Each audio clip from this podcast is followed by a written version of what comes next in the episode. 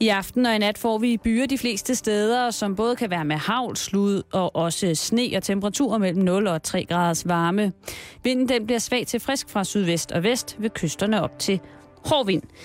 Nu får du halløj i betalingsringen.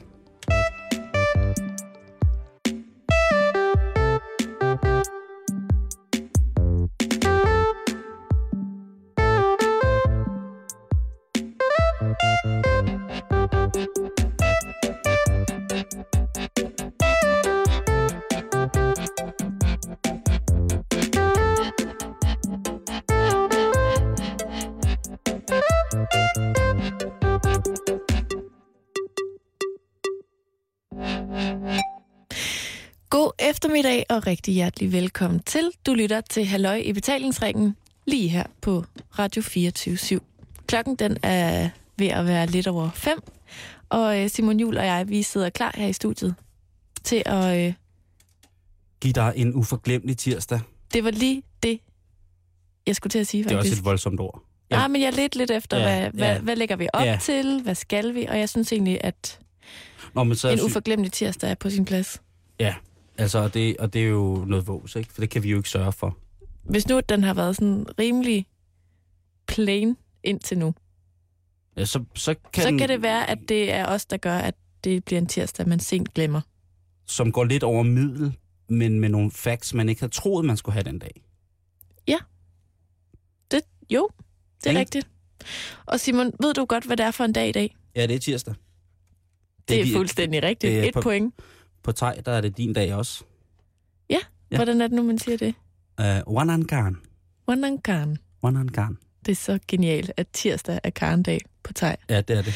Nå, Simon, det er ikke en hvilken som helst dag. Nej, det er det så åbenbart ikke. Nej, Nå, fordi det, at... kan jeg så fortælle lytterne, at Karen kigger sådan mystisk på mig, som om hun har en, en kage under foden, som jeg kan se. Hvad, hvad er det for en dag i dag, Simon? Ja, det er tirsdag. Ja. Godt, så, øh, så kom ud med det. Ja, men det er fordi, der er flere ting. For det første, så vil jeg gerne lige sige tillykke med fødselsdagen til kronprinsesse Mary. Hun har fødselsdag i Det dag. gode skib, hun har fødselsdag i dag? Ja. Åh, hvordan tror du, sådan en dag starter derhjemme med fire unger? Nok rimelig meget ligesom alle andre dage, kunne jeg forestille mig. Med fire børn, tror du det? Så øh, Simon, så er det i dag, i år 1259, at kong Christoffer den første fængsler den stridbare ærkebiskop Lars Erlandsen! Jakob Erlandsen. Jakob Erlandsen, det er det, det er rigtigt. en yndlingsbiskop. Det er min yndlingsbiskop. Ja, han bliver jo... Øh, ej, han... Hold kæft, en... Det er i dag. Ja, det er altså... Og Christoffer den første, det er jo, hvad hedder det... Øh, Erik Klippings far. Det er jo det. Det er jo, øh, det er jo altså grund... grund altså, faktisk så bliver... Det er, det er så godt, du nævner det i dag, Karen. Jeg var sådan lidt... Ej, det har hun ikke husket. Åh, oh, selvfølgelig har jeg Nej, husket fordi det. Det, er så, det betyder utrolig meget for mig, for jeg tænkte sådan i morges, nej, det har Karen glemt. Da jeg står op i morges øh, og slår op i min almanak. Du må grine nu. Jeg griner ikke. Jo, det gør du. Nej. Så fnyser du. Så græder du. Nej.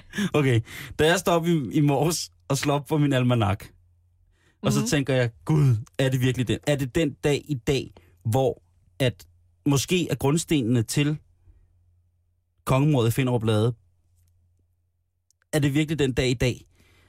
Og skal jeg prøve at gøre noget ud af det, eller vil jeg så bare gøre for meget af det ved Karen, så synes jeg var endnu mere psykopat. Øhm, men Karen, du aner ikke, hvor meget det betyder for mig, at du lige præcis nævner det i dag. Eller det ved øhm. du måske godt. Det er de små ting Eller fordi jeg er fuldstændig besat af kongemor. og middelalder. Ja. Ej, hvor er jeg glad. Jamen, det, er, det, er en, det er en sindssygt vigtig dag i dag. Men det stopper ikke her. Fordi den sidste ting, vi lige skal omkring på Uh. denne uforglemmelige tirsdag, det er, at det er Sankt Agates dag. Er det hende, der får skåret patterne af? Ja, Yes! Jamen, det er en fantastisk dag! Eller, puh, det var dog en forfærdelig dag. og det er simpelthen en øh, legenden om Agathe, som går tilbage til omkring år 250 efter Kristi fødsel. Mm. Det er en historie, der lyder sådan her. Får jeg historien? Du får meget Ej, hurtigt. er det fedt, Karen. Meget hurtigt. Ej, hvor er det fedt. Agathe var en kvinde, der boede på Sicilien, og øhm, hun var meget, meget, meget, meget begæret Mm. af en, en øh, konsul, eller hvad man skal kalde sådan noget. En vigtig, vigtig mand. Ja. Men hun havde ligesom, hvad skal man sige, videt sit liv til Gud. hendes kyske liv. Ja. Sister Agathe. Hun vil ikke have noget som helst med ham at gøre, fordi at hun ville være Guds tjenerinde. Og det skulle hun selvfølgelig straffes for. Det er klart. Det skulle hun. Sådan er kirken. Så hun... Nej, det er ikke kirken, det er ham, der er øh, manden. Jamen, det, det er en anden snak. Okay. Hun bliver i hvert fald straffet, tortureret, og til sidst så er der en bødel, der skærer hendes bryster ind. Ej, det er forfærdeligt. Så øh, øh, Sankt Agathe er hende, der indimellem øh, portrætteres som kvinde uden bryster. Men det, der så er lidt sjovt, det er, at, øh, Er der noget sjovt i den historie? Nå, det er fordi, det bliver helt mut nu. at det bare lige, hvis der nu helt tilfældigvis skulle være nogen, der i forvejen har fastet i dag, fordi de måske skal, det ved jeg ikke, opereres eller et eller andet, Mm-hmm. øh, så siger folketroen, at hvis man faster hele Sankt Agathes dag, så vil man om natten drømme om sin tilkommende. Wow. Ja. Det er æderrødende en ringe trøst for at få skåret vaflerne af. Ej, det er fandme skidt. Men Hvis du faster hele dagen. Hvad, hvad, hvad med stakkels, Nej, men der er hvad jo med ikke- stakkels Agnete der, eller hvad hun hed, ikke? der er jo ikke flere, der skal have skåret brysterne af. Nej, nej, men altså, hun er vel en form for helgen, ikke? Jo, og man siger, at hun ligesom øh, gik i forbøn for alle kvinder med ondt i brysterne og alle de armende kvinder. Dem gik hun i forbøn for. Dem tog hun ligesom på sin kappe. Hvad kan, Hun man, tog en for holdet. hvad kan man lære af det? Du skal da ikke gå i forbøn. Du skal bare gifte dig med ham, konsulen fra gå i, Sicilien. du, skal, du, skal, du skal sgu da ikke gå i forbøn for kvinder, som har ondt i jaderne, fordi at der, de, øh, de ammer på deres børn. Er det ikke meget normalt, at øh, jeg hører tit, øh, jeg har, Karen, jeg har jo den alder, hvor at, øh, lige så snart... Du ammer meget. Øh, ja. øh, som du kan se. Øh, og jeg har der smerter øh, i, i mine bryster. Jeg ammer alt, der har lyst. Hvis de lige kommer forbi, så ammer jeg løs på det. Lige et prik på skulderen. Skal du lige ammes lidt? Ja, det er jo en form for leg. Nej, det er jo ikke, det er jo ikke rigtigt. Det, det, er Forfærdeligt. Karen, det, er jo, Ja. det må vi ikke bilde lytterne ind. Og det, selvfølgelig tror de heller ikke på det. Nej, men, men, men, men, men der- jeg har bare hørt tit, at omkring netop det her øh, amning, Ja, der kan kvinder godt blive ømme i brysterne. ja, ja. Øh, Jo. og øh, der tror jeg bare, at øh, det, altså, det er lidt som at gå i forbøn for, at vand skal være lidt mindre vådt. Ikke? Bare rolig. Dig med helt øh, hævede skodder og ondt under, helt op til midt på ryggen, fordi at de, du, er blevet, øh, du er blevet armet i stumperstykker. Eller nej, du er ikke blevet, du har armet. Du har armet dig selv i knæ. Bare rolig, jeg går i forbøn for dig, for mm. Mm. det aldrig skal ske mere. Øh, Jamen, for lidt lindring. Altså, det er jo ikke fordi, at jeg tror ikke, det er sådan noget med, at hun bare vil fjerne det hele. Men hun har jo, altså... Øh, og Men det er en og og legende, og det er en historie. Ja, jeg tror sgu på den, du. det Ja. gør du vel. Ja, hvis det er noget, hvor nogen, der, hvis, der, er- hvis det er øh, forfærdelig dom og, og død og ødelæggelse, hormor og ildebrand, og en stakkels kvinde, som bliver frarøvet øh, hendes... Øh, Kvindelige attributter. ja, noget, der kunne være Og mindst faktisk- lige så værdifuldt som hendes fødder. At nogen, nogle steder, så øh, bliver hun ligesom malet, afbilledet uden bryster, Mm. og, og andre, øh, hvad skal man sige, et andet symbol for hende her. Det er Tim Christensen. Det er meget tæt på, men det er en tang. En hvad? En tang, fordi det åbenbart er en tang, der blev brugt til Nej, at... nej. Jo. Så de blev klippet af Nå, sådan en tang. med en tang. Nå, okay, ja. Jeg troede, du mente det dernede for, for havet. Ej, det havde været alt for voldsomt at Ja, hun har det. fået pisket sine kander af med helt våd tang. det er forfærdeligt. Ja. Men, men, Men, det men... er simpelthen dagen i dag, Simon. Alt det, alle de begivenheder på en tirsdag. Og, og allerede der nu, Karen, ikke, der har du jo indfriet, hvad vi lovede i starten af programmet. Eller hvad jeg så tror skyld, kom til at love, ikke? At det, Mm. det blev... Det, de har fået information, som var... Mary har fødselsdag. Christoffer den første, han... Øh, Han fængsler Jakob Erlandsen i fængsler- 1259. Han sender ham faktisk videre. Han kommer ud, han bliver sendt videre til, til, øh, til Sverige. Den anden side. Og så, og så Og så er det de afskårne Brøstersdag. kanders dag. Ja. Hvad? Det, er- det er fandme en vild tirsdag. Så er vi i gang. Så er vi sgu i gang. Øh, Karen, har du fulgt med i, øh, hvad hedder det, i, øh, i den amerikanske fadese om, hvorvidt det homoseksuel må være spejder eller ikke spejder? Øh, en lille smule. Og jeg har øh, faktisk undret mig sindssygt meget over, at, at, at det findes. Øh, lige nu, faktisk, øh, inden vi gik i studiet, øh, Mhm. mm. så lå der på en hjemmeside i, i USA en lille videoklip, hvor at øh, der er medlemmer af spejdergruppen, eller BSA, som hedder, Boy Scouts of America, som indleverer 1,4 million underskrifter til, at, eller for, at øh, spejderbevægelsen skal kunne øh, have de her homoseksuelle mennesker med. Mm. Jeg har været inde på øh, BSA's hjemmeside, forskellige hjemmesider, som hører til, og, øh, og, og læst omkring, hvad det her er, hele, hvad det hele er for noget. Og jeg synes, vi skal starte ved begyndelsen, fordi det der, hvor det stammer fra. Spejderbevægelsen, den stammer jo fra General... General... General... General... Simon. Hvad er der? Jeg elsker bare dit engelske. Yes. Uh, General uh, Baden Powell, som var den her engelske mand, som var stor strateg, og øh, som så også synes, at unge mennesker skulle have noget godt at tage sig til. Og den her general, han bliver altså ved med at øh, imponere folk, og han, øh, hvad hedder det, øh, græder du? Ej, undskyld. Øh. Nej, og han, han, han grundlægger jo spejderbevægelsen ud fra en, øh, en idé om, han er selvfølgelig general, men også øh, ud fra, at jamen, altså, unge mænd, de bliver nødt til at have noget fornuftigt at tage sig til. De mm. bliver nødt til at have nogle mål i livet. De bliver nødt til at finde ud af, hvad, hvad, hvad god moral og etik er, og så fremdeles. Mm. Altså en opdragelsesting. Under ikke strenge forhold, men med i, i kraft af, af lejens, øh, den, den naturlige pædagogik, leg det nu indebærer, og sådan nogle ting og sager. Ja. Og det går han altså i gang med i slutningen af øh, 1800-tallet, det her.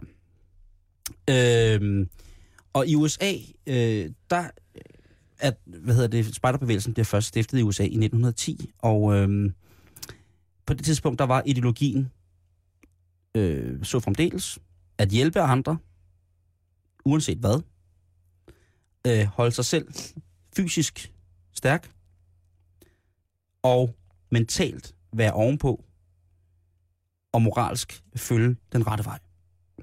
Mm. Det er 1910, det lyder meget 1910-agtigt. Jo. Det er øh, en mand, der hedder William D. Boyce, som egentlig er, er hvad hedder det, forlægger, som øh, starter den her ting. Han er forlægger, han er filantrop, han er øh, explorer, han er, han er racing man. Øh, ikke som i, i rejsning man, men han er bare en rejsende man. Og på et tidspunkt i, øh, i London, hvor han er der, så øh, det, det, er, det hører lidt til legenden omkring de amerikanske drengsparter, Der går han rundt i togen, ham her øh, William D. Boyce, Billy Boyce. Han går rundt i togen og kan ikke finde vej. Han er lost. Og pludselig er der en spæd lille hånd, der tager fat i ham og siger, Sir, er du lost? Og så siger han, ja det er jeg. Og øh, den øh, lille dreng tilhører så en kæmpe stor mand, som har en bitte små hænder. Nej, det tilhører selvfølgelig en lille dreng, som hjælper den her øh, forvirrede eventyr. Han kan rejse rundt i hele verden, men han kan ikke finde rundt i tog i Londons gader. Han øh, bliver hjulpet ud og øh, på rette vej af ham her, og så vil William D. Boyce, den her amerikanske filantrop, give den her dreng nogle penge og sige, tusind tak for hjælpen, lille engelske dreng. Øh, hvor er du dog sød. Her, tag nogle penge. Og så siger drengen, nej, det vil jeg ikke, fordi at øh, på spejder så har jeg lovet altid at hjælpe andre mennesker, uden at selv at få noget for det. Så værsgo, her, øh, nu fandt du vej, og jeg smutter igen. Hej hej. Det tænker ham her, William D. Boyce, en del over, tænker, hvor fanden er det her? Og han går i gang med at læse om det her spartabevægelse. Han finder frem til, hvem Baden Powell er. General, General Babel Paul. Og de begynder så øh, at hænge ud sammen. Nej, han skriver et brev til ham her om, at de bliver nødt til at mødes, fordi han vil godt høre nærmere om, hvad det her er. De mødes så i London, og øh, øh, de kan finde hinanden, og han finder så ud af, at jamen, det er da meget smart det her. Baden Paul han siger så, altså, I er jo godt gang, I er jo godt allerede, altså, I er jo allerede godt i gang i USA, siger han til ham her, øh, William D. Boyce, øh, fordi jeg har læst en bog, siger Baden Powell. Han siger, jeg har læst en bog af en, der hedder Ernest Thompson Setten, som hedder The Birch Bark Roll of the Woodcraft Indians. Og det er løst oversat, så hedder det Birkebarksrullen af ja, Woodcraft, det er vel trækraft. øh, øh, men Woodcraft, det er også navnet på en stamme indianer. Det er en gut, som øh, egentlig studerer på Kunstakademiet, øh, eller læser, ikke på Kunstakademi, det er det ikke så, han læser kunst på universitetet, og han er så også en, en naturmand, som går meget op i historien omkring de amerikan, amerikanske pionerer, hvordan de har klaret den med uden noget som helst. Øh, og der finder han så en bog, øh, og han finder så øh, frem til sådan måder, at de i naturen har begået sig ordentligt på. Og øh, han har så skrevet den her bog, og den har Baden Powell faktisk læst, og har inspireret ham til det her spejderting. ting Mm. Så da øh, William han kommer hjem, så må han jo se, om han kan finde ham her, Ernest Thompson. I mellemtiden så er Ernest Thompson, han triller rundt og øh, er i gang med at læse noget kunst på det her, øh, hvad hedder det, college eller universitet. Og der møder han Daniel Carter Beard, som er en mand, som også læser øh, kunst selvfølgelig. De mødes igennem sådan et, en, et fællesskab, hvor dem, der læser kunst, ligesom kan hænge ud og være helt vildt artifat, ikke? Mm. Øh, så sådan et, et, et starten 1900-tals øh, hipster-kollektiv er det vel, de, de mødes i, i et forum. Åh oh, ja. Og øhm, øh, Daniel Carter, han er faktisk også øh, den her forkaldet for at give ungdom noget godt. Man skal passe på, hvordan man siger det nu til dags, ikke? men han vil jo gerne give de små drenge øh, noget at lave og en ordentlig fremtid. Så øh, Daniel Carter Beard, han, mød, han har lavet det, der hedder Sons of Daniel Boone, som er også en ungdomsting, som ligger lidt op af, af hvad hedder det, KFM, øh, eller YMCA, som det hedder i USA, som udover at være en øh, fuldstændig latterlig dans, som er sjov, så hedder, består det også for Young Men's Christian Association, Association hedder det. Øh, altså en, øh, et, øh, en, et, øh, et kristen drevet, overbevist, øh, ja, hvad kan man kalde det, en forening, ikke? som ligesom tager sig af, af mennesker Mm. øh, i Guds navn. Lad os bare sige det som det er. Og øh, de her to Ernest, som har skrevet den her bog, som spejderlederen Baden Paul har været inspireret af, de finder så en af de her kunstnerforum. Og øh, de tænker, ja, hvad, hvad skal vi dog? Øh, og lige inden de når for sagt det, lige inden de får når for sagt, hvad skal vi dog? Så dukker den gode gamle William D. Boyce op, manden, der farede vildt i togen. Han dukker op, og så siger han, prøv at høre, drenge, I har noget, som kunne være rigtig, rigtig, rigtig spændende. Og, Mhm. øh, og det har jeg egentlig også. Kunne vi måske, skulle vi slå pjalterne sammen? Skulle vi synge efter det samme blad? I to var rygler. Og øh, det bliver de faktisk enige om. Og i 1910, så stifter de så BSA, øh, Boy Scouts of America. Og øh, det er jo ret interessant, fordi her er der altså en, en, en progressiv amerikansk forlægger, plus to kunststuderende mænd, som har en forkærlighed for, en har forkærligheden for at leve i naturen bare generelt, og den anden har en forkærlighed for den historiske, me- de, den, den historiske metodik om, hvordan og hvorvidt det var, at øh, de første pionerer, der kom til USA, ligesom klarede sig. Og øh, lige pludselig så er der jo øh, en, en god grund til det her. Øh, Mormonkirken af alle ting går faktisk ind og, og støtter det her projekt til at starte med. De, de er som de første registrerede officielle støttepartnere til øh, den her Spejderunion. Det er Mormonkirken, og det er det faktisk stadigvæk. Jeg har lige været og kigge på en oversigt, hvor der, øh, det fremgår af dem, at det er stadig øh, øh, Mormonkirken, som, som er den største contributor, om man kan sige, eller velgør i forhold til, til lokale spejderting og sådan noget. De har mange andre velgørenhedsting. Jeg kan sige, at den amerikanske spejderindustri i dag er blevet en industri. Øh, hvad hedder det?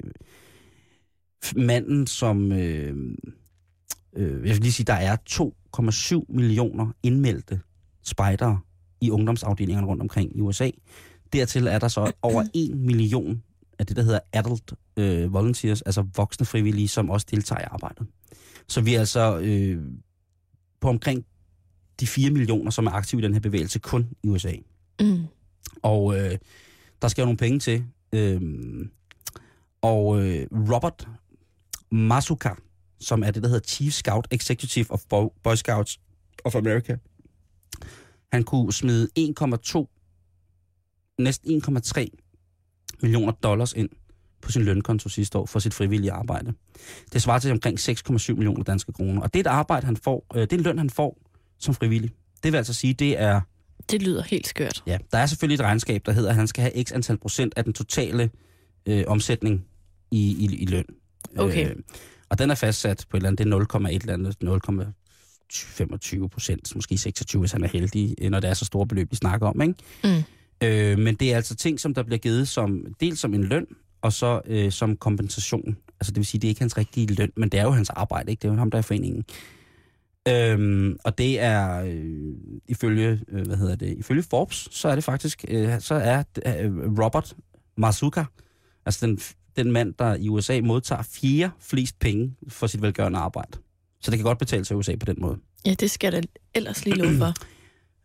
Men øhm, så, så i og for sig, så er vi ude i, at jeg ser grundlæggerne for den amerikanske spejderbevægelse som frie. Det er to mænd, der mødes på, en, på, på en, en, en kunstforum sammen med en, en mand, som er, er, er vild og øh, altså, rejser rundt og gerne vil se hele verden. Ja. Det er vel at mærke øh, tre hvide kristne mænd. Og det, det, de mødes alle sammen sammen i kristendom, kan man sige. Mm. På et tidspunkt er der en af de her øh, founders, af, af, øh, eller hvad hedder det, grundlægger, som får lidt øh, en lille smule bøvl med, med, en, øh, med en fremtrædende person i, øh, i spejderbevægelsen. Men alle synes jo, det er godt. Og som, øh, som vi sagde før, jamen altså, spejdereden fra 1910, vi vil hjælpe andre. Altid. Vi, altså, vi vil altid hjælpe andre. Vi vil være fysisk stærke, og det der med, at man skal være mentalt vågen, og så skal man gå den rette vej og sådan noget. Så men rette vej, så mener de altså, det er nok det kristne forbillede, den rette vej. Ikke? Mm. Øh, sådan har det i hvert fald været i lang tid, og mange øh, store amerikanske menigheder er som sagt også hvad hedder det, med til at godt gøre her. Øh, der er også mange kæmpe andre store firmaer. Intel blandt andet er med øh, på listen over for, eller firmaer, som virkelig spytter i kassen til det her, de her projekter. Ikke? Øh, I midlertid så er, hvad hedder det, øh, sloganet fra 1910 i anno 2013 kommet til at lyde sådan her. Vi vil forberede de unge mennesker på at tage de rigtige etiske og moralske valg hen over hele deres liv. Vi vil gøre det ved at fortælle dem og lære dem og lade dem selv lære, hvad de ægte værdier i en spejderære og spejderloven egentlig er. Og ud fra det synspunkt, så har de jo i øh, den her sag med, med homoseksuelle i, spejderne, spej, de amerikanske spejder, den startede allerede i 2000. Okay, Ja, det er har- jo ved at være noget tid siden. Ja, øh, hvad hedder det? Og det sker i, øh, i en retssag, som man kan læse om på nettet faktisk, øh, som hedder Boy Scouts of America versus Dale. Øh, og det er altså en mand, som, øh, som føler, at han er blevet uretfærdigt behandlet, fordi han har, han har sprunget ud af skabet, han har øh, bekendt sin homoseksualitet, og derefter er blevet smidt ud af det spejderliv, som han har, har, har elsket rigtig, rigtig lang tid. Og øh, han bliver simpelthen smidt ud af Spejderforeningen, fordi at Spejderforeningen stadig er et privat foretagende, så retten kan ikke ligesom sige, prøv at høre, I skal. Altså det er ikke et officielt, Men det er jo stadig helt vildt diskriminerende. ja det er det, men det er jo ikke det, diskriminerende nok i forhold til en eller anden regel, der er i den første gennemskrivning af den amerikanske grundlov, som stadig er vedhængende i forhold til, hvordan loven bliver eksekveret i dag. Mm. Øh, det, jeg kan ikke huske, hvad det er, men jeg læste noget om, at det er et punkt, som de rent faktisk har omkring spejderbevægelsen, omkring den her øh, bevægelse med at holde folk i AF, eller altså gøre folk glade ved, at de er- deltager aktivt, og man uddanner ungdom, og bla bla bla bla. bla, bla. Øh, men her, der bliver, øh, der bliver, hvad hedder den søde mand Dale, han bliver altså øh, smidt ud af spejderne, fordi han er homoseksuel, og det siger de er simpelthen, øh, det siger regeringen, og det kommer selvfølgelig på højeste plan, det er jo klart, øh, og han siger, at jamen altså, de har faktisk lovens ord fra 100 Grøn Langkål, ikke? Jo. Øhm, og at hvis de synes, hvis de ikke synes i forhold til den, det regulativ, som spejderne har givet sig selv for, hvordan de skal behandle deres unge og inspirere deres unge moralsk og etisk, hvis, det ikke, hvis en voksen ikke opfører sig efter de principper, så er det de principper, som er gældende. Og det vil sige, at hvis han siger, jamen prøv at høre, jeg er bøs, så sidder der nogle sure mennesker og siger, prøv at høre, det var dog det mest forfærdelige i hele verden, du kan være. Så må du ikke være med i vores klub. Nej. Og du må heller ikke være barn i klubben, hvis dine forældre er homoseksuelle. Nå. Så kan du heller ikke være med i Spejderforeningen. Det ser man øh, rigtig, rigtig, rigtig skidt på. Øh, og øh, ja, hvis du er, øh, også er homoseksuel barn, så må du heller ikke være med. Det lyder meget gammeldags. Ja, det står øh, sort på hvidt inde på, øh, på deres hjemmeside. At det er en del af deres, deres, deres øh, ligesom... Eller det står faktisk ikke sort på hvidt så ud, ud, udførligt, men den her lille ting, hvor de siger, jamen i forhold til, hvad vi i, til spejderære og spejderlov siger, ikke? altså i forhold til, hvad der står i grønspættebogen, så kan vi selv ligesom tolke, hvordan at vi synes, din opførsel og dit generelle personlige liv, det kommer til at influere på de unge mennesker, som du skal have ansvaret for. Mm. Øhm, Spejderne vinder i 2000-sagen. Og øh, Dale må jo gå derfra med forudrettet, øh, forudrettet sag, kan man sige. Nej, det har den jo ikke. Den er ikke forudrettet, men den er, han, han, kan, han kan ikke rigtig noget. Mm-mm. I 2004 så udsender Scouts of America så en skrivelse, hvor de påpeger og understreger, at homoseksuelle ikke er velkomne. Det er fire år efter. Øhm, homoseks og det er, jo, det er jo det der med, at homoseksuelle heller ikke er, altså, det er den skrivelse, der kommer i 2004, hvor der står det der med, at homoseksuelle slet ikke er velkommen i nogen form for sammenhæng. Ingen engang deres børn er, er velkomne. Mm-mm. Øhm, og øhm, de tænkte, folk, så lagde folk ligesom, prøv at høre, det, det er spejderne, så det, slutbrud. Øhm, på et tidspunkt i 2012 i november, her hvor den her sag begynder at rulle lige så stille, eller hvor det kommer for, til øje for Barack Obama, det er fordi, at der er nogen, der prøver at ændre en lille smule de her lovgivninger, hvor at de, de, øh, en leder prøver at, at foreslå, at det gør der ikke noget, at man er homoseksuel, når man er leder for de her børn. Okay. Øh, og ham, der foreslår det, han blev fyret og smidt ud, og øh, hele forslaget blev enstemmigt fravalgt, ikke? Det, det, det skal de slet ikke røre ved med lille tang, det der. Øh, og man kan bare sige, at, at det jeg tror, det er, altså, jeg har været spejder. Du har været spejder, Karen. Jeg har også været spejder. Ja. Det Jeg har været søspejder. Ja, det har jeg så ikke. Hvad for en spejder var du? Ja, men øh, Karen, jeg var jo sort spejder. Det er der ikke noget, der hedder. Okay, det lød bare fedt. Var du blå spejder Ja. eller grøn spejder? Jeg var blå spejder. Selvfølgelig var jeg det danske spejderkorps. Mm. Øh, Har du været på blå sommer? ja. Det var fedt. Det var mega fedt. Det var, Det var- mega fedt. Det var mega, mega fedt. Jeg gik til spejder med sådan nogle psykopatbørn. Øh, jeg havde sådan tre almindelige venner til spejder. Og det var dem, jeg gik i klasse med. Det var virkelig hyggeligt. Øh, og de andre, det var... Øh. Kan du, kan du huske, hvad I lavede? ja, ja, ja, ja, ja. Vi gik. I var på hike. Ja, vi var på hike. Nathike, og man var på alle mulige ting. Og det var faktisk rigtig, rigtig sjovt. Øh, og det var først, når man blev det ældre, man kunne se, gud, der er der ikke nogen tvivl om, at de der mennesker er blevet, som de er blevet. Men i det, der var det hyggeligt at være spejder. Mm. Og der var faktisk... Øh, der var mange søde mennesker. Der, det var rigtig, rigtig, rigtig... Jeg har intet... Altså, jeg synes, det var fantastisk. Og jeg ved ikke, må man gerne være bøsse i, i, i, i hvad hedder det, i spejderne i Danmark? Det har jeg faktisk ikke engang undersøgt. Altså, Meget, meget dårligt. uden at vide det, så kunne jeg ikke forestille mig, at der er nogen af de forskellige spejderkorps, der findes i Danmark, der vil ekskludere folk på den måde. Nej. Det vil undre mig meget. Mm. Men Simon, det er jo, da jeg går til spejder, at øh, min store forkærlighed for rafter opstår. Åh, oh, det er rigtigt. Du er vild med at binde øh, ting om, øh, om, om træer. Om træ. Nej, det er bare rafter. ja, du er tosset med rafter. Jeg Det kan bygge godt. alt i rafter. Det ved jeg godt. Det er meget, det, og det gør mig også, det er en af de ting, som der gør mig tryg i hverdagen, Karen. Ja, det kan jeg godt forstå. Det er, at jeg ved, du lige kan... Hvis nu det her bord, vi sidder ved, det bryder sammen, Ja. så tager jeg alle de kosteskafte, der er herinde, og så laver jeg et nyt bord til dig. Alle de kosteskafte, det er til dem, der ikke ved det, kære lytter, så er vores studie pyntet med...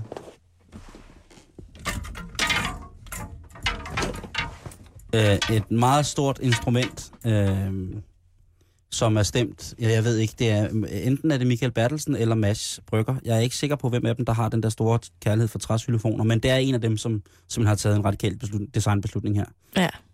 øh, som er til, øh, til stor glæde for nogen og til let undren for andre. Men øh, nu er der blevet afleveret, for lige at afslutte den, Karen, nu, er der Mhm. blevet afs, nu er der blevet afleveret 1,4 millioner underskrifter på at, prøv at høre, selvom du er gay, om du er, om du er lazy, eller om du er bøssy, så må du rigtig gerne være med i, øh, i spejderbevægelsen. Og det synes jeg da også bare. Hvis du øh, har, har følt, øh, altså, er du spejder? Er du homoseksuel?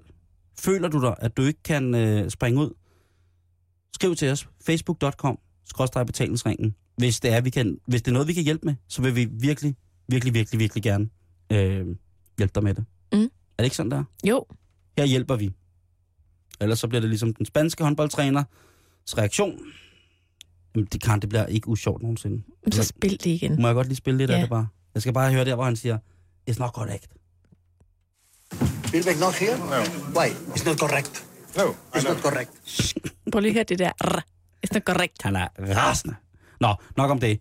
Øh, her fra Halløj Betalingsringen øh, afslutter vi historien med bøs i, eller lesb i amerikansk spiderliv er ikke tilladt.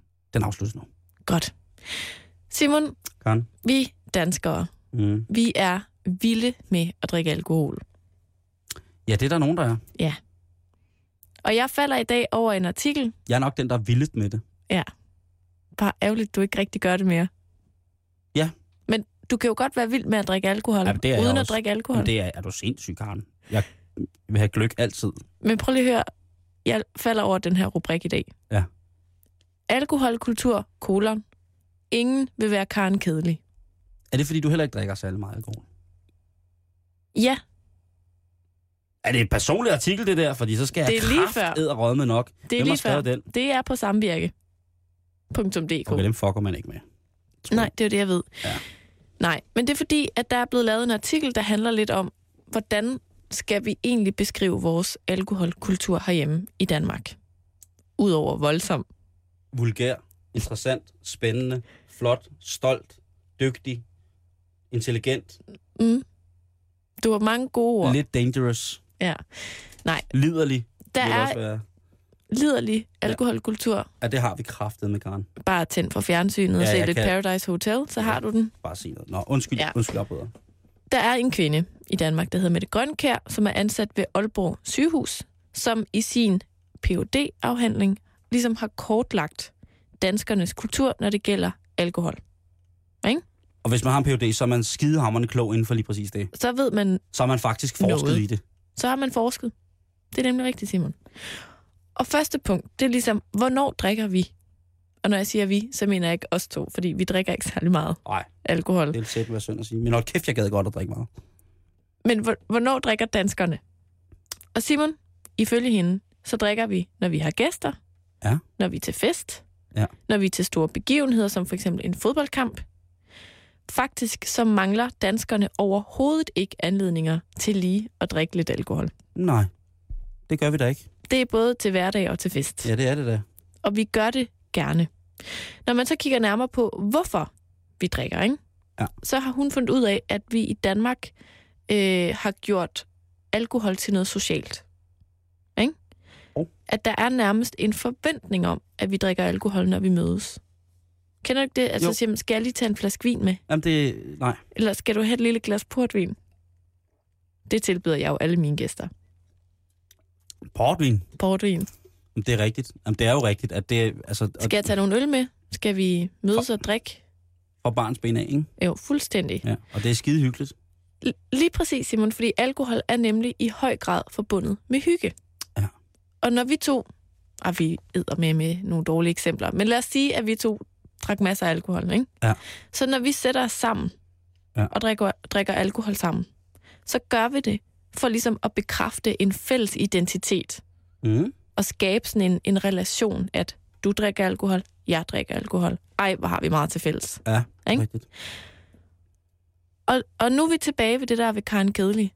Fordi at når alkohol fylder så meget i vores samfund, og i vores kultur, og i vores identitet, så ser det også bare mærkeligt ud, når der så lige pludselig er en, der ikke drikker. Og det er så åbenbart hende, man kalder Karen Kedelig, der ikke drikker alkohol. Og hvad er det for noget? Karen Kedelig. For så begynder folk nemlig straks at spørge sådan noget, du ved, er du gravid, er du syg, eller skal du køre hjem? Fordi at det er som om, at det er de eneste situationer, undtagen når man er på arbejde, der ligesom legaliserer, at du ikke drikker alkohol. Det er ret vildt. Det er ret vildt at tænke på det der med, om, om der... Fordi der er også nogen, der snakker om det der med, hvor tidligt begynder man at drikke, og er der et større pres på unge piger i forhold til større... Eller i forhold til drenge, eller er det omvendt? Sådan noget med, hvornår begynder vi at drikke, hvornår skal vi til at tage Mm. stoffer og sådan nogle ting. Og så her. Ja. Øhm, jeg kan huske, jeg tror, jeg begyndte at drikke lidt for at imponere damerne. Det gik forfærdeligt dårligt. Ja. Øh, og det er det faktisk gjort helt til at holde- holdt op med at drikke. Jeg tror, Og kæft, hvor har jeg fucket rundt. jeg, jeg var faktisk ret gammel før, at jeg var fuld første gang. Du var 39. Ja. Jeg var fuld første gang i går. Nej, det, det var egentlig ikke sådan vildt gammelt. Men jeg voksede op ude på landet, og havde ligesom et slæng derude, hvor vi synes bare alkohol, det var bare så kikset. Ej, var jeg åndssvagt. Ja, vi klædte os ud, og vi lavede teater. Undskyld mig, men det lyder så kristen. I'm sorry. Ja, men det var det ikke. Du er mormon. Du spejler. Jeg er spejder, men jeg er ikke mormon. Men, men, og det var som om, at det var, det var bare slet ikke noget, vi havde lyst til. Mm-hmm. Og så, Simon, flyttede jeg ind til Storbyen. Ind til Aarhus. Åh, til Aarhus. Og der gik jo ikke meget mere end en måned, og så havde jeg prøvet at være fuld for første gang. Ja, fantastisk. Og det var skide sjovt. Ja. Og så, Fuck nu det klodtøj, ikke? Jo, og det sjove var jo, at der gik ikke så lang tid, så mit gamle slæng ude på landet, de kom ligesom med ret hurtigt. Så jeg tror måske bare, det var der i 8. klasse, at man ligesom skulle finde ud af, skal vi være stive, eller du skal vi ikke være stive? Altså, jeg vil bare sige til folk, der kan feste med Karen, at hvis den der artikel er myndet på Karen, som Karen Kedelig, så vil jeg bare sige, jeg siger ikke andet end ormen, og så siger jeg ikke mere. Jeg har altså været ret meget til fest med Karen. Jeg siger, kære lytter, ormen, det er det eneste, jeg siger, øh, og breakdance. Og så må man selv prøve at rode sig ud af det. Mm. Øh, jeg synes absolut ikke, du er Karen Kedelig, og man er i sin gode ret til at fucking lade være med at drikke, hvis man ikke har lyst til det. Det sjove er, at den her undersøgelse viser faktisk, at hvis man ikke vil drikke alkohol, så er der faktisk nogen, der kan opfatte det som en kritik af det selskab, man er i. Ja, er du sindssygt? At man det er er sådan- arrogant. Man er super arrogant, og Ja. man er sådan, når du er nok lidt fornuftig, var. Mm. Øhm, mit sådan, hvad skal man sige, min ting med alkohol. Ja. Da jeg ligesom for faktisk meget præcis lidt over et års tid siden besluttede mig for, nu gider jeg ikke drikke mig patte hammerne stiv mere. Øh, der, der, der var der rigtig mange i min sådan, omgangskreds, der reagerede sådan meget akavet. De kunne simpelthen ikke, de kunne ikke finde ud af, hvad de skulle gøre. Det var ikke, fordi de ville blande sig. Nej. Men, men folk var meget sådan, jamen hvorfor? Hvor jeg var sådan, jamen, jeg synes ikke, det er sjovt mere. Jeg kan ikke styre min brændert. Mm-mm. Jeg gider ikke vågne op med moralske tømmermænd. Nej. Jamen, nå. Og der, der kan jeg tydeligt huske en aften, jeg var i byen på sådan et værtshus. Og det er svært ikke at drikke øl på et værtshus. Jamen, du kan jo godt drikke, du drikker jo også et glas vin, og du drikker en øl og sådan noget. Jo, men det gjorde jeg ikke lige der. Jeg startede okay. simpelthen ud med en kold tyrker. Okay. Og så har jeg lige så stille skruet op. Men det er sådan noget... Altså, jeg har ikke været fuld i et år. Nej. Men så er der en, der tager en tom øh, ølflaske og stiller hen foran mig. Og så siger hun, så kan man ikke se, du ikke drikker. Altså, så, så, så mærkeligt er det ikke at drikke. Altså, for mit vedkommende, så er det så mærkeligt, fordi at jeg altid har drukket rigtig, rigtig meget, og jeg stoppede jo ikke, fordi jeg ikke kunne kontrollere det. Mm-mm. Jeg stoppede, fordi jeg fik noget sukkersyge. Så slut med det. Øh, eller i hvert fald, det var i hvert fald godt for mig ikke at drikke så meget. Mm. Øhm, øh, jeg savner det, og jeg synes, det er, øh, det er noget pis at undvære, men jeg er glad for at undvære det. Mm. Hvis man kan sige det på samme måde. Hvis man kan være sådan lidt selvmodsigende i den sætning, så må det være, det, så må det være ligesom det, jeg er. Øh, og, men også folk er jo vant til at se mig, øh, eller ikke vant til at se mig, men da jeg startede med at lave fjerner, Ja. så drak jeg jo alt i hele verden. Så derfor forventede folk også, at når man øh, skører Simon, drikker jo alt. Øh, og det gjorde jeg også indtil for nogle år siden. Ja. Så var det bare, øh, hvad hedder det, øh, så ja. Men det sjove er, at det er sådan... Men det der med ikke at drikke, altså det, det er sjovt, at det er blevet til, det er tabu ikke at drikke. Jamen, det er det jo. Du er, der er lidt... Der opstår lidt sådan en, nå, okay, nå, hun drikker ikke. Så Ja, skal vi snakke om noget satan." andet? Ja, øh, øh, noget, noget, noget seksuel overgreb, det, det er stille, det kan vi godt snakke om. Det er dejligt. Jamen altså, det er, det er lidt sådan, at jeg har det sådan, nu ved folk det jo godt efterhånden, stille og roligt, men fuck det. Jeg gider hverken gøre det til noget, noget, et korstog, eller jeg gider heller ikke gøre det til et problem.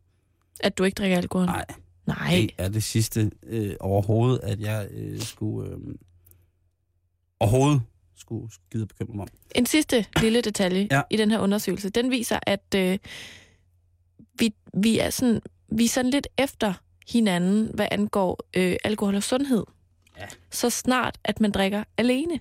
Igen er vi tilbage ved det sociale og Mm. hyggen i det. Fordi hvis du satte dig ned på en bænk og drak en øl en eftermiddag og hyggede dig med det, så vil man synes, det var sådan lidt, hov, sad du lige der alene og drak en øl, var? Det er vist ikke så sundt. Ja, det vil der, der er nogen, der vil synes, ikke? Jo, jo. Øh, hvorimod, at hvis selv samme person, sammen med vedkommende, som synes, det var lidt usundt, Mm. øh, lørdagen efter bunder tre flasker vin, fordi det er bare så hyggeligt, Mm. så tænker man ikke over det overhovedet. Nej. Så mængden af alkohol, den, den må ligesom godt sådan ændre sig lidt alt efter, om vi sidder alene og drikker, er eller om vi sidder sammen og drikker. Hvis du for eksempel ringede til mig en dag og sagde, prøv at solen skinner bare på den, min yndlingsplet, øh, og nu tager jeg min iPod med, øh, og så min vikinghjelm, og så sætter jeg mig ned og drikker mig i hegnet i solen. Fordi det ville være pissehyggeligt at bare kigge på mennesker. Så ville jeg tænke, fuck, hvor er det i orden. Og Altså, hvis jeg, vil- gjorde det alene? Ja, jeg ville tænke, fuck, hvor er det i orden. Jeg har været fuld utrolig meget alene, og det er meget, meget sjovt. Og jeg bare, der, der tænker jeg, fuck, det er i orden, hun gør det. Det Mm. skal hun da bare have lov til. Hvis du gør det hver dag, så, så kan det godt være, at jeg får lidt svært ved at komme du på til arbejde. mig, øh, det står ned i stænger, og du siger, solen skinner på min plads, og vi bor måske 800 meter fra hinanden. Ja.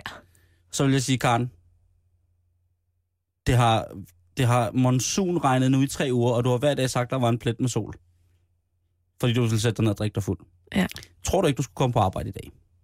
Nej, Lige præcis. Hvis du så har sagt det præcis med den stemme. Nej. nej. Så tror jeg måske, at man skulle... Så vil jeg nok hive fat i dig og sige, prøv at høre. Du, jeg ved godt, du er vild med portvin, men det der, det går ikke. Jeg, jeg vil bare, altså nu hed artiklen bare lige, Ja. vi vil ikke være Karen Men så fik Kedelig. vi også lige snakke om det. Og så vil jeg bare lige sige, at bare fordi man hedder Karen, og fordi man måske ikke drikker så meget alkohol, så behøver man ikke at være kedelig.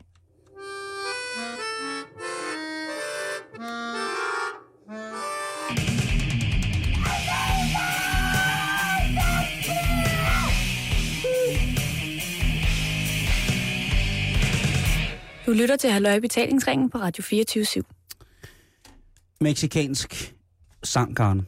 Ja. Man skal passe lidt på det. Øh, for et par dage siden, der blev der fundet et helt orkester slået ihjel i en brønd. Og det var øh, som en, en, intet, øh, ingen ringer end, øh, hvad hedder det... Åh, nu har jeg lige skrevet... Undskyld, nu skal jeg lige finde ud af, hvad jeg har skrevet her. Mm. Jo. Øhm, et, et orkester, som spiller det, der hedder Narco Corrido. Se. Og det er... Øh, det er sådan en, en form for, for hyldestsang til narkobaroner. Skønt. Ja, men det er ikke noget som sådan... Øh, det er jo ikke noget, som er nyt. Det er noget, som har fundet sted i rigtig, rigtig mange år. Altså, Det- guderne skal da også vide, at... At- Det er en ny genre for mig, vil jeg så sige. Jo, jo, men altså... Alle, Hyldsange til narkobaroner. Jo, jo, men alle folk, øh, hvad hedder det, alle, alle folk med magt, de vil jo på et eller andet tidspunkt have deres egen hyldest, deres egen hymne, ikke? Jo. Øhm, så, altså, nå ja, igen, hvis vi endelig skal. Øh, der er en del salmer, for eksempel. Øh, der, der hylder noget, nogen, der gør noget godt for dem. Der er øh, alt muligt. Og, øh, og der er der altså også en gren af, af de her øh, mennesker, som bor i de små lokale samfund, hvor at de ikke rigtig har nogen ret og lov. Den ret og lov, der er der, det er den lov, der er der ved de mennesker, som pumper penge og laver penge til, til lokalområdet, og det er narkobaronerne. Mm. Og derfor så kunne man jo godt tænke, at jamen altså, det skulle da også... Ligesom at, at man kunne forestille sig, at blev skrevet hymner om Robin Hood. Dejlig middelaldermusik. Øh, så bliver der ligesom også skrevet i tradition, for det er en tradition, at man laver de her hyldestsange til de her narkobosser. Okay. Øh, det er noget, hvor man gloværdiggør deres livsstil. Man synger om, hvor gode de er til at have, have, have mange penge og til at dele ud af dem, hvad de gør for lokalsamfund. Altså, man stiller dem op på en pedestal. Og øh, jeg har hørt om, om, om fænomenet før, selvfølgelig gennem gangsterrap og, og, og alt muligt. Men her der er der altså ting med navns nævnelse også. Der er ikke nogen synonymer. I mange af de her øh, narcocorridors, så er der begivenheder, der er navnsnævnelse, der er trusler, der er altså ting, som de mener helt seriøst. Og man tænker, hvad er det, og hvordan lyder sådan noget musik egentlig i virkeligheden? Mm. Øh, når man skal, øh, man tænker, jeg, jeg vil jo normalt tænke på, på gangster rap, ikke? Jo, Øh, bare på spansk.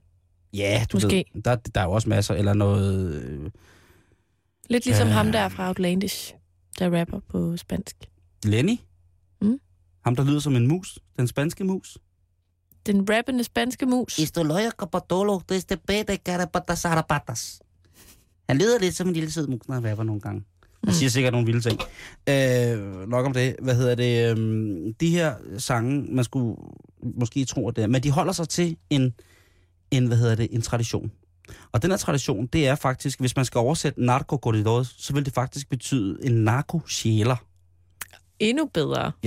Og der tænker man så, hvordan lyder det? Og der har jeg faktisk taget øh, en, øh, en sang med, så vi lige kan høre, hvad det her det handler om. Hvad det er for en stilart. Ikke? Mm. Det kunne godt være, at man skulle høre noget, noget brasiliansk bejlefunk fra, fra, fra Velaen, eller man skulle høre noget gangsterrap, eller man skulle høre noget elektronisk nazi-mars, eller et eller andet. Men i Mexico, der forstår man altså at sætte prikken over i'et i gangstermusik. Det her, det er en af de, de, øh, de aller, aller største Mm. øh, til, at, til at hylde, øh, hvad hedder det, øh, og det er en, øh, et nummer, som hedder El Preparación. Og det er en, øh, en, en sang, som er skrevet til en af de aller, aller, største kartelledere, som er blevet slået ihjel nu, som hedder Manuel Torres. Øhm, han var også kendt som El Ondeado.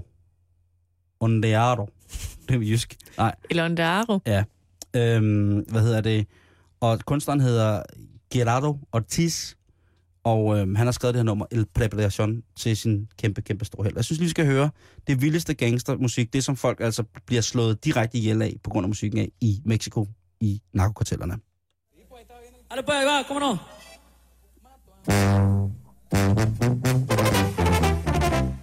A muy temprana edad, por eso vivió traumado. Luego superó su trauma, le entró duro a los chingazos.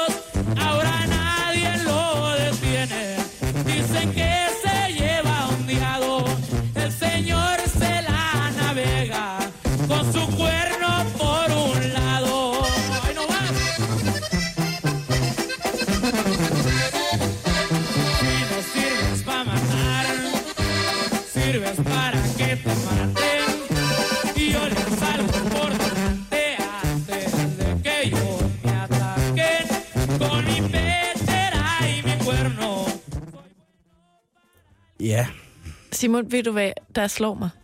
nej, jeg ved det ikke, Karen. Det er jo sådan ligesom den meksikanske udgave af Ramund. Er det noget Melodi Grand Prix? Nej, det er den der gamle vise. Ham der... Ramon var så en bedre mand, om Okay, han ja. havde bed. Den handler jo også om Ramon. Og sværet dømlingen dyde, eller hvad den hedder, som han Har du lige oversat den her tekst, eller hvad? i stykker med. Nej, men, men det er bare lidt samme princip, ikke? At det er jo sådan, sådan en sang, man i gamle dage sendte en skjald afsted for at synge, ikke? Ja, det er rigtigt. Så er det bare om en, en, en nu afdød, desværre, meksikansk narko, narkobaron, han synger om, ikke? Læg mærke til arbejdet med tubaen her i det her nummer. Det er noget af et arbejde.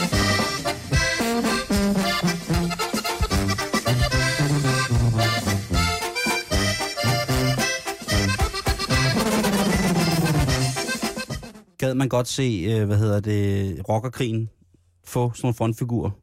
Ja, tak.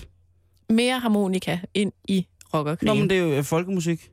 Fuldstændig. Men det er det. Folkeviserne. En, en, en igen. folkevis, sådan en folkeskal, øh, som kunne stille sig op og så synge for, for enten parti for den ene eller for den anden gruppe, ikke? Jo. Men det er altså det her, de bliver... Øh, de bliver Det, det vil sige, altså, jeg skal bare lige forstå Ja. det ret. Altså, der, der, lad os sige, der er to bander. Ja. Og så den ene bande øh, leder tænker, jeg vil gerne have min egen sang, der Ja. skal handle om, hvor stor og fantastisk jeg er. Ja. Så jeg hyrer øh, Tuba Gerardo Ortiz og hans homies. og and the Tubas. Lige præcis. De skriver den her fantastiske sang, Ja. der handler om, hvor fantastisk narkobaron er. Mm. Mm. Og så den anden leder slår ikke narkobaron ihjel, han slår bare hans band ihjel. Ja. Og hans, hans, altså de kunstnere, der har lavet den her sang. Øhm, Det er jo sindssygt. er det ret voldsomt. Men så piller man ligesom kronen på værket. Øh, det er en amerikansk øh, musikhistorie, som hedder Elijah Walt, som øh, har skrevet blandt andet øh, den bog, der hedder...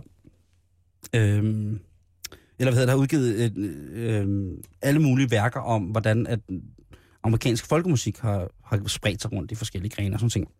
Men han siger omkring det her, han forsker i det, han er stadig også en i det klog, han siger, at jamen, øh, det er lidt som at, at ligesom vælte hovedet af snemanden og skyde mariachierne, eller de bands, som der ligesom, øh, hvad hedder det, øh, der ligesom står frem og, og, og gør det. Og det er en, altså, både øh, den øh, amerikanske regering og, den syd, og de sydamerikanske regeringer har jo kæmpet med at få det her ulovligt gjort, ikke? fordi det nytter ikke noget, at man på den måde udad til hylder narkobaroner på den måde. De har jo kæmpet for det.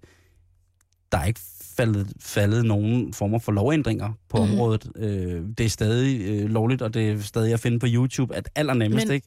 Altså, hvor er det vildt, at der er nogen, der siger ja til at skrive og komponere og fremføre de her øh, hyldestsange. Karen, der må jeg sige til dig, øh, der tror jeg, du overser den ting. Jeg tror ikke, at narkobaroner som sådan på den måde spørger sødt.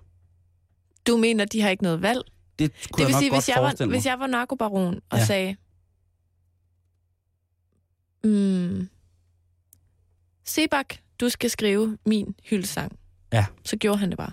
Fordi han vidste, han ville blive slået ihjel, hvis han ikke gjorde det. Han vidste, der ville blive gjort noget bydeligt ved enten ham eller hans, øh, hans karriere, hvis det ikke var, at han ligesom kom i gang med at gøre det her.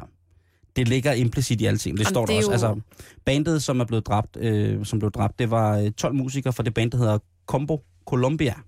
Og de blev altså... Øh, 11 af dem blev dræbt. De blev legnet op på en, på, på en række, helt gangsterfilmsagtigt, på knæ, og så blev de plaffet bagfra. Så var der en tilbage, og øh, han fik en ordentlig lavtæsk. Og så fik han at vide, nu løber du tilbage til de, ham, narkobaronen, der bestilte dig, og så fortæller du, hvad der er sket med de andre, ikke? Det er jo sygt. Ja, det, det er meget voldsomt. Det, altså, det er øh, sådan, til alle jer kære mennesker, som der i dag udøver traditionel skandinavisk folkemusik, der er ingen grund til at havne der. Der er ikke noget som helst. Der er ikke noget, der er så meget værd, hvis der er det. Altså, den eneste, der har gået lige på grænsen, Ja. det må være Richard Ravnvald, der sang Kære Lille Pia. Jamen, det er det jo nok. Øh, og det skabte jo også... En, altså, der, der har aldrig været et bedre karrieremove nogensinde i dansk, den danske musikbranche. Mm-mm. Øh, der er tre, ikke? Der er Kim Larsen, der er blevet med at ryge på fjernsyn. Der er øh, måske Michael Bundesen var måske meget syg på et tidspunkt, forsanger for Superdura. Og så er der Kjell Mormor, eller Kjell Pia, ikke? Med Richard. Ravnvald. That's it. Altså, det er vel det tætteste, man kommer på en hyldssang til, til en dansk narkobaron. Der er jo masser af, af kunstnere, som optræder i politiske sammenhæng, ikke? Jo, jo. Øhm, og hvad hedder det? Det synes jeg også er herligt. Man skal, altså, hvad, hvad, hvad tager man med? Skal man optræde for, eller skal man optræde med? Men- Der, Men Simon, der er dog ikke nogen, der optræder for, for narkobaronerne i Danmark, kan man sige. En Det- ting er politik, noget andet er kriminalitet. ja, det ved jeg ikke. Jeg tror, jeg, jeg ved det ikke. Altså, det kan jo godt være, at der er nogen, som... Øh, at man, altså i Danmark, der er, det jo, der er jo bandekrigen jo så civiliseret på så mange punkter, at, øh, at nej, Det kan være, at de har haft Richard Ravnvald ude og spille til julefrokosten. Det tror jeg trygt, du kan regne med. Og jeg tror også, der er rigtig mange store bands, som har spillet til rigtig mange store, til, til nogle store, velbetalte fe- privatfester, hvor det, det måske ikke lige er gået, øh, du ved, øh, Hvor de er blevet betalt med jydepenge, tænker du? ja, det kunne man måske godt forestille sig. Mm. Og jeg tror, det er no, måske er det nogle større, øh, større øh, hvad hedder det, foretagende, som så, som så, man kommer til at optræde for, man tænker, åh, tænker da ikke lige, hvor de her penge kommer fra. Folk har det jo sjovt, men det er i hvert fald ikke noget, man skal begynde at... Øh, altså, den slags bøf har der ikke været i den danske musikbranche, vel? Mm-mm. Siden selvfølgelig, at uh, guitaristen fra Big Fat Snake vælger at forlade uh, orkestret. Ej, men den, det var, Ej, det, gør, det kan vi slet ikke det snakke om her. var noget rod. Jamen, det, Og noget hvem, råd. hvem skulle være Big Fat Snake? Hvem havde overhovedet retten til det navn? Ja, hvem var store fede slange? Det har været en hyrkarn. Men lad det ikke ende, øh, ende, ende ud i det her. Øhm, Ja. Jeg synes, det, det er ret vildt, ikke? Øhm, nogle af de allermest populære musikere øh, omkring det her, øh, er faktisk øh, omkring øh, Narcolidos, er faktisk blevet dræbt. Og er blevet, nærmest blevet sådan øh, helgenificeret, hvis man kan kalde det det, af at miste deres liv i, i sagen for det her. Fordi så sørger narkobaronerne selvfølgelig for, at karrieren og deres eftermæle selvfølgelig kommer til at brænde helt af, og bliver helt godt, øh, sådan så at deres familier kan leve af, at de har mistet et familiemedlem, fordi han sang for en narkobaron. Ikke? Altså det er så... Øh, nu har jeg siddet og læst tre forskellige artikler omkring de her narkoridors, og hvad, hvad det ligesom er, hvordan Mm. det startede, siden de startede med at blive likvideret for deres... stille sig frem for narkogangster i, i slutningen af 80'erne, og det er ikke for børn. De der meksikanske narkokarteller, specielt i, da narkokartelkrigen eksploderer her i 2000 og midten af 2005, tror jeg det er, Mm. der begynder det at gå ned ad bakke, og hele, hvad hedder det, hitlister af narkoridors bliver simpelthen udryddet, han sagt, Ej. øhm, på grund af det her. Øhm, en af de største, K-Path de la Sierra, bliver skudt i 2007 sammen med Valentin Elizalde, og det er altså åbenbart nogle af de aller, aller, aller største. Så må Ja. håbe, at, øh, ja, Det er brændt. at det er brændt, at det kommer til at gå bedre på et tidspunkt, ikke? Vi er tilbage igen i morgen klokken 5 til lidt erotik. Nu er det blevet tid til et nyhedsoverblik fra Radio 24 24 nyhederne for klokken den er 18. God